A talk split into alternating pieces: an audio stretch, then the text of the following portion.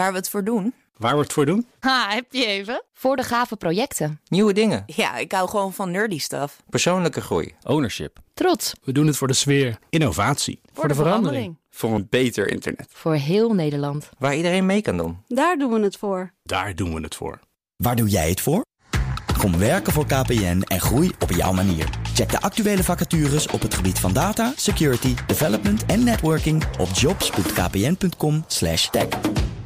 Hoi, ik ben Carlijn Meinders. Dit is Wetenschap vanavond. Een minuutje wetenschap voorbij het tandenpoetsen. Er is een hagedissoort in Costa Rica die erg bedreven is in duiken.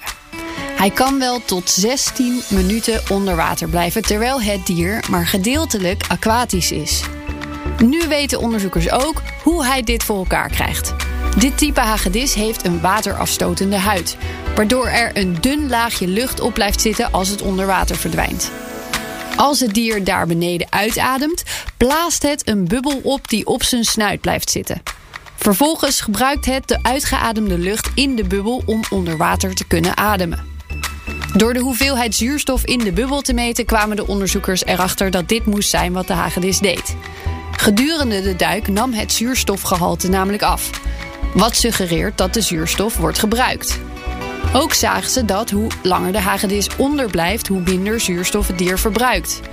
Of dat betekent dat hij zijn metabolisme aanpast en hoe het zit met overtollige koolstofdioxide, dat moeten ze nog verder onderzoeken.